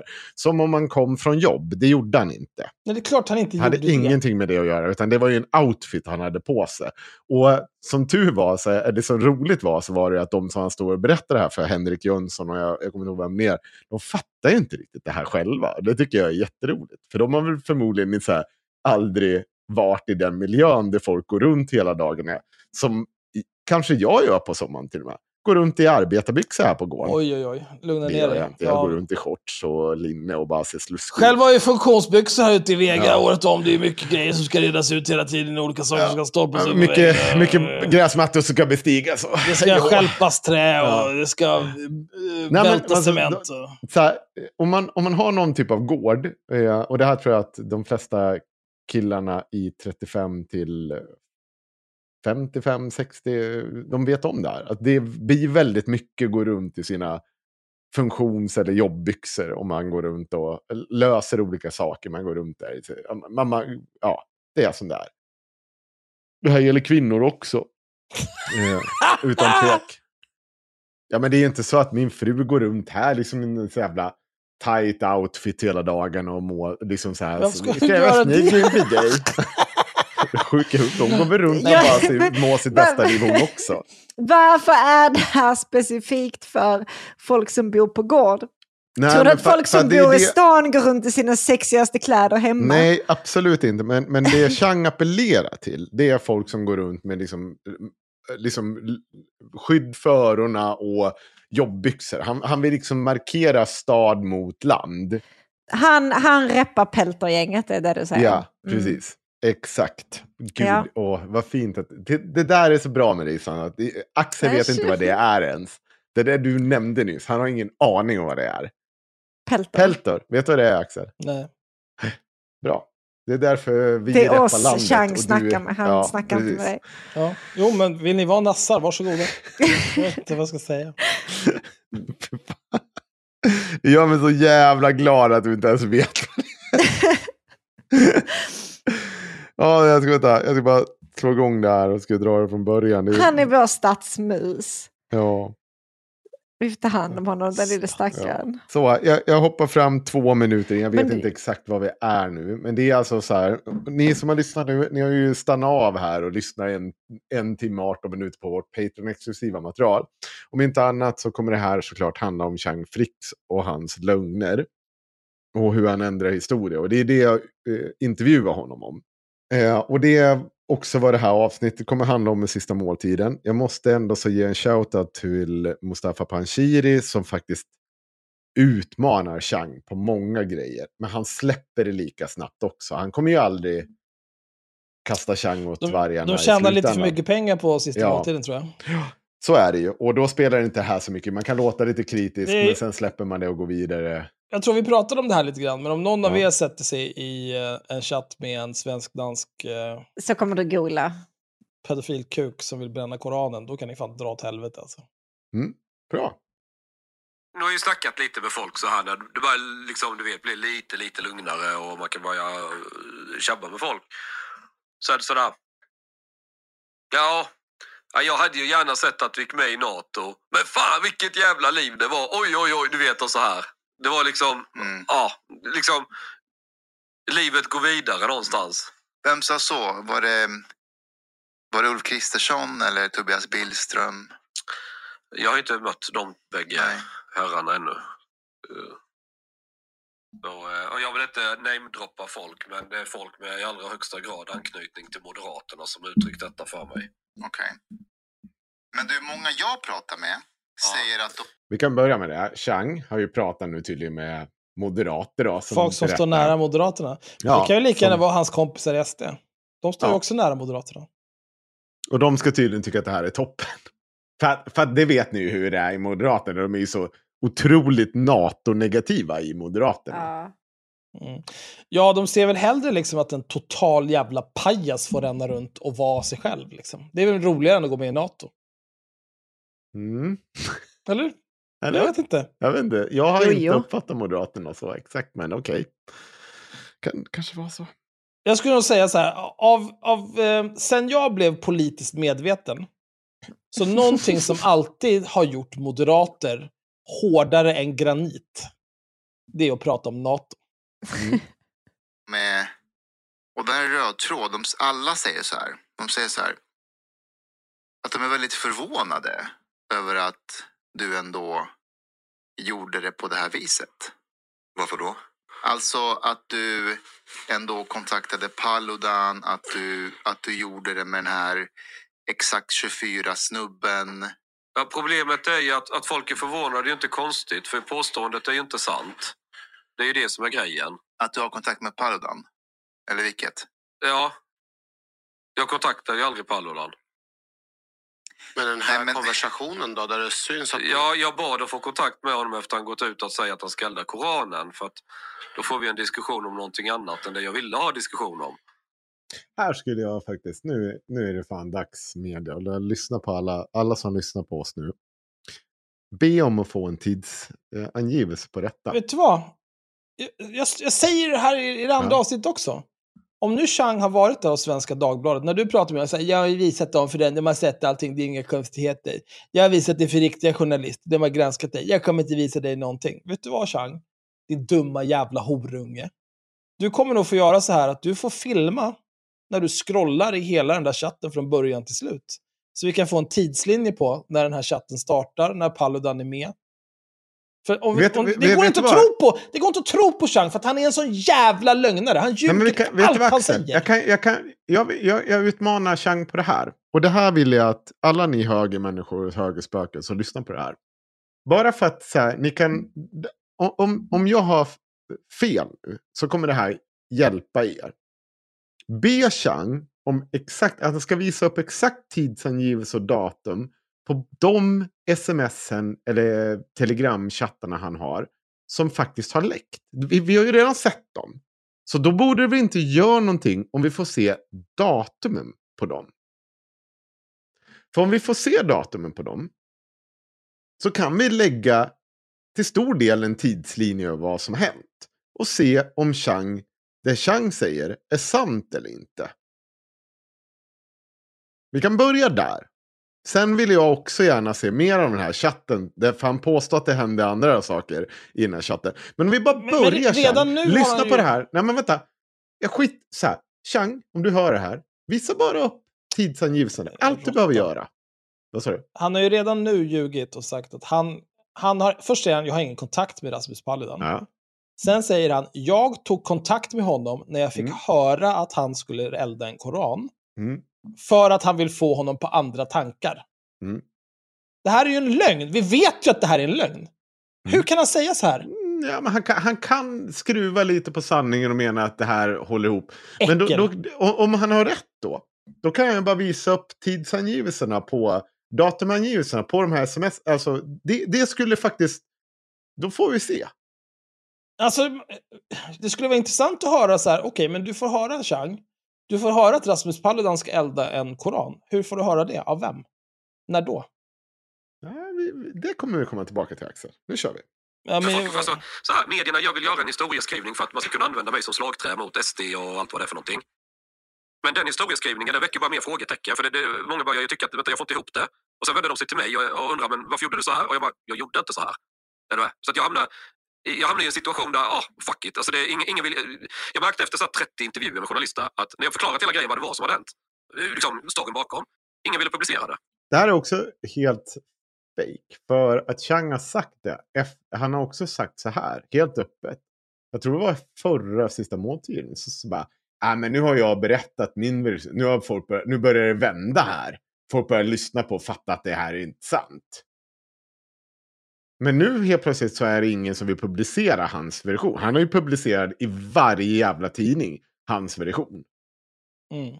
Det är ju skitsnack. Ja, i det där Svenska, det här är, Dagbladet, Svenska Dagbladet skrev ju till och med, höll ju med honom i det han påstod där, att han insisterade på att Rasmus Paludan skulle elda något annat.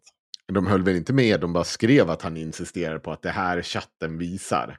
Ja, Och markerade utan att säga emot det, utan bara säga att han insisterar men det är ju på liksom att det så här jävla är det visar. dåligt. Ja. Du ville betala ändå Paludans eh, demonstrationsavgift. Det, det, det har du gjort ändå. Det, har du Ja, men- ja. det, det stämmer. Ja, Och men om, inte, om, jag, om jag bara ställer frågan till eh, Omar, eh, Ashkan, Mustafa. Om jag säger Paludan, Mustafa. Vad är Paludan känd för? Är det för att han eh, är duktig Inkludering, Mm. mångfald, Ja. pedofili.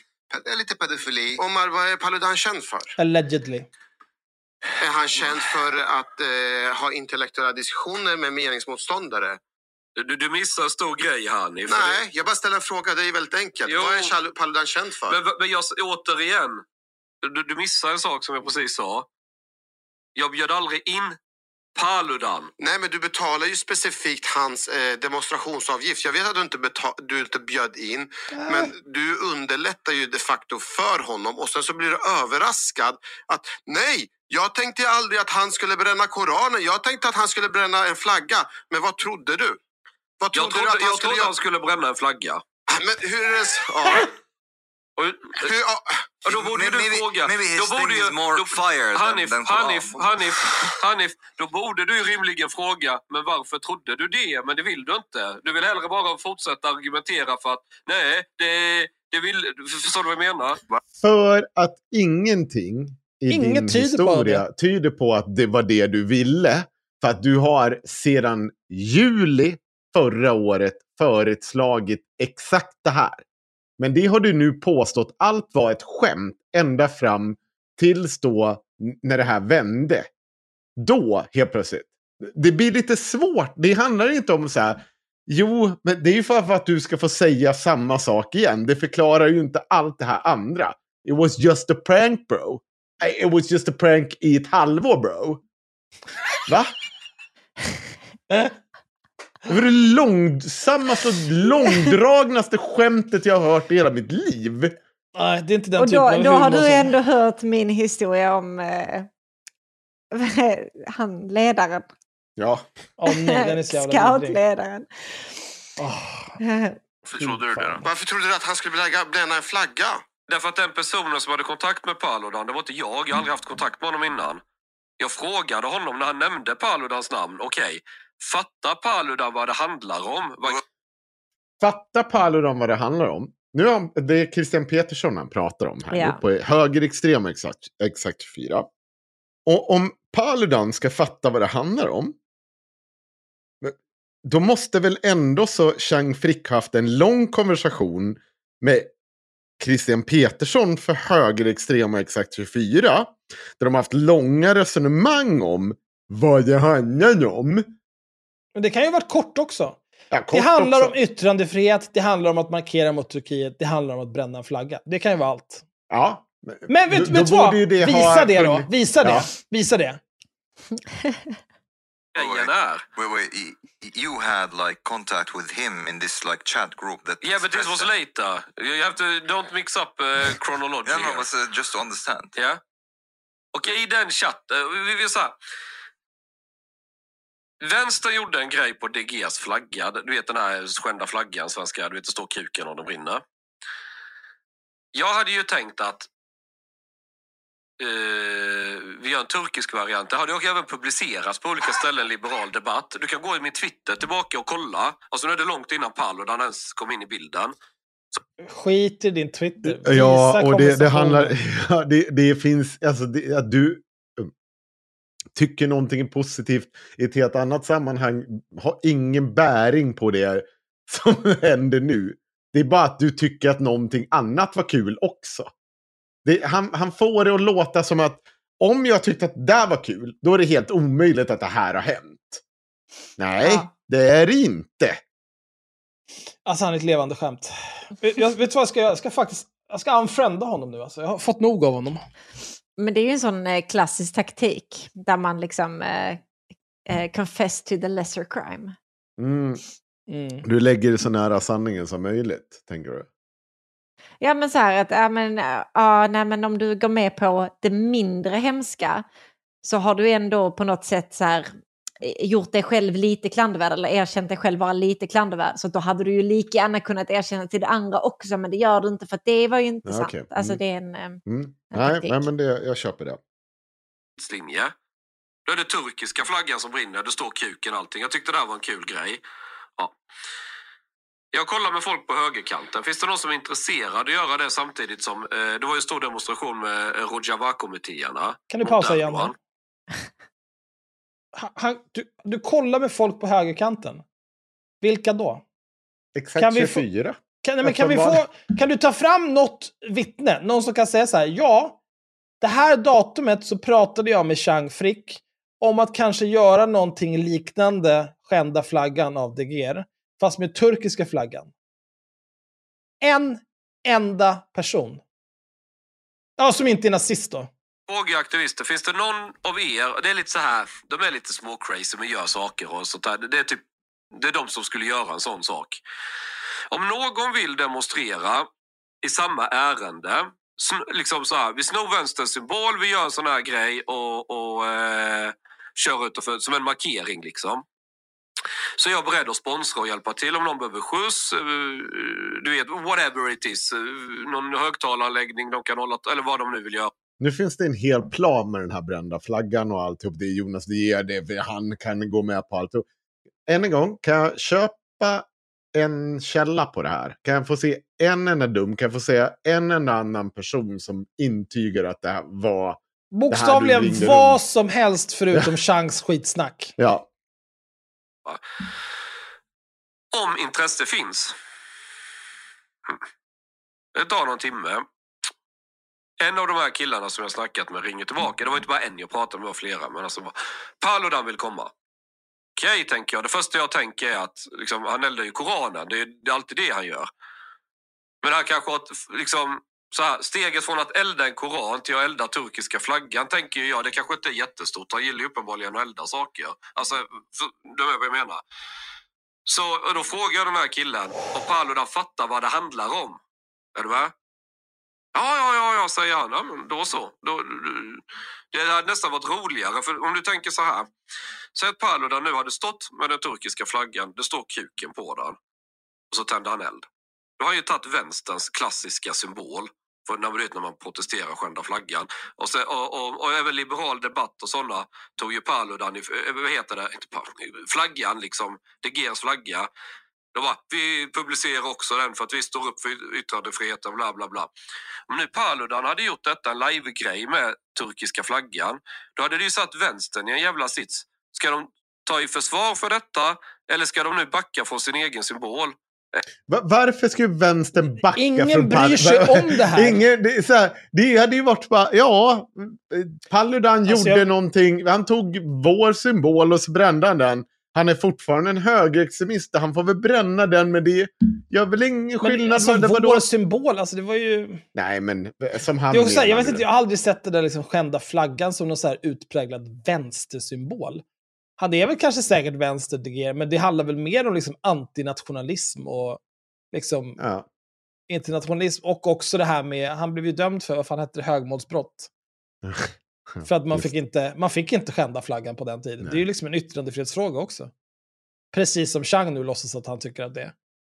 Men det, det är inte. Och framförallt, det sjuka är att någonstans här sitter vi här än en gång och skäller över Changs lögner. Men hans mål med det här, som det uppenbart var från början, som han inte vågar erkänna nu. Jag, jag kan stödja det. Men det här är inte ett problem. Vi ska inte Om- pausa om det hade- yttrandefriheten för Turkiets skull. Absolut inte. Hade det varit så så att Chang Frick, hans plan var att ta hit Rasmus Paludan, de hade en stor turkisk flagga som de hade skrivit kuken på och så skulle de elda upp den flaggan utanför turkiska ambassaden. Fucking do it. För Koranen också. Koranen också. Ja, det får elda koraner också. Ja. Eh, det spelar inte mig någon roll. Elda alla koraner, jag bryr mig inte. Men de här lögnerna. Det är inte det vi, vi, vi Alltså jag hade inte känt så här, det- ja. åh nej, nu har högerspökena tagit den viktigaste symbolen i mitt liv. De har gjort någon typ av blek kopia av ett 50 år gammalt konstverk. Wow, nu måste jag Ja. ta mitt liv. Ja. Ja, nej, jaha, okej, vad bra. Är ni med på vad jag menar? Det har blivit en debatt på kultursidan om det här. Så i efterhand så makar det sense att det är Mm. din modus. Förvirra höger och vänster. Ja, ja, men det har jag gjort hur många Men gånger du som helst. svarade fortfarande på honom när han frågade om någon kan ta med sig en koran. För tydligen har inte han ett lager av koraner. Vilket är... Nej, och jag vill inte... He burned all of them. Nej, Nej kolla här, kolla här. Jag vill... koranbrist. Kolla Så här, så här, så här, Okej, vi, vi- vi går vidare nu. Okej. Det som sen händer är... Så att jag, jag går i tron att Pa- Paludan har förstått vad jag tänker eller vad poängen är. Och Paludan kommer göra som Chang vill. Nej, men jag, jag ställer ju en fråga här till killen som pratar med Paludan. Killar. Fattar Paludan vad saken handlar om? Ja, ja, ja, säger han. Okej? Och jag sitter i bilen, du vet, jag är på väg att hämta ungarna på dagen. Du vet, hela den här vardagsstressen. Jag utgår ifrån att ja, men då så, då är det väl lugnt. Jag, Livspusslet kom i vägen för fascismen. Ja, Relatability. Ja. känner så här, jag ser att det är, vi är en timme in och 48 minuter kvar. Det här är klart inte folk ska... Ni får höra det här resten bakom Patreon. Bestämmer Hur länge, hur länge ska vi sitta här? Nej, inte så jättemycket längre till. Men Ja. nog för att det ska bli ett Patreon-exklusivt material. Jag blev rädd. Kommer det här.